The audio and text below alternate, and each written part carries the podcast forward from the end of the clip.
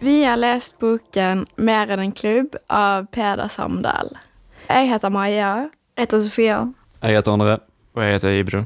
Eh, boken 'Mer enn en klubb' det er en bok som går ut på forskjellige fotballklubber og deres historier. da. Og Jeg går annet innom temaer som rasisme, miljø, likestilling og frihet generelt. Maja, hva er din leseopplevelse av boken? Jeg vet ikke helt hva jeg synes om leseopplevelsen, fordi boken ikke treffer min interesse. Jeg syns kanskje den var litt rotete og mye informasjon. Ja, jeg ser meg ganske enig i det, altså at boken hadde altfor mye informasjon, hvor det, hvert kapittel uh, hadde sånn forskjellige hendelser som klubber gikk gjennom, osv., osv. Jeg er uenig. Som en uh, fotballfan selv så uh, synes jeg det var spennende å lese om historiene til alle de andre eh, klubbene. Eh, det sier litt om hvilke historier de har hatt, og hvorfor de har blitt til de klubbene de har blitt i dag. Kan du nevne noen av hendelsene i boken du syns var ekstra spennende å lese om?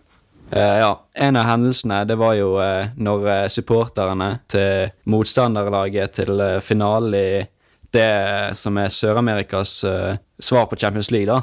De stormet bussen til motstanderlaget, og så måtte politiet komme inn, og så kastet de gassgranater og sånn mot bussen. Så spillerne kunne ikke spille kampen den dagen, så de måtte flytte hele finalen til Spania på Real Madrid sin hjemmebane.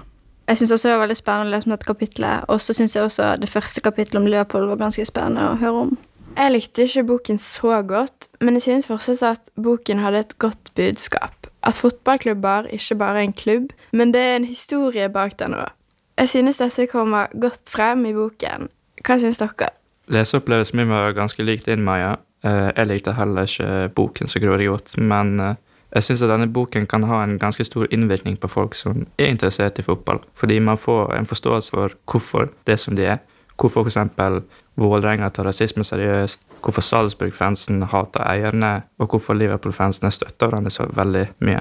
Alt dette er viktig for forståelsen for hvorfor klubbene er mer enn klubb. Ja, jeg er ganske enig i det du, Ibro, sier. Jeg syns også boken kan ha en stor innvirkning på leserne.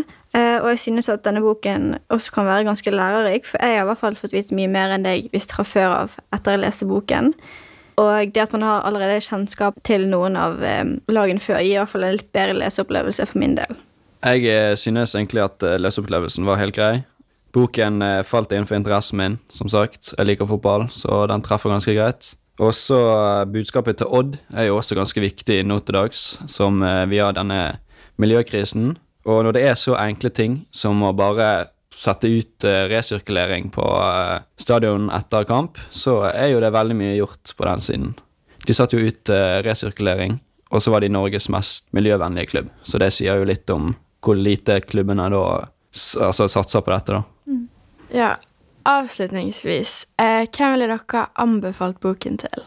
Jeg ville kanskje anbefalt denne boken til de som er da fotballinteresserte, og som vil lese om historiene til de forskjellige klubbene og vite litt mer om de da. Ja, jeg ser meg ganske enig. Jeg ville også anbefalt til eh, fotballinteresserte.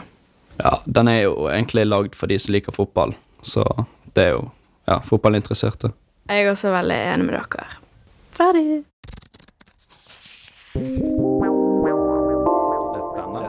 Les her i herren.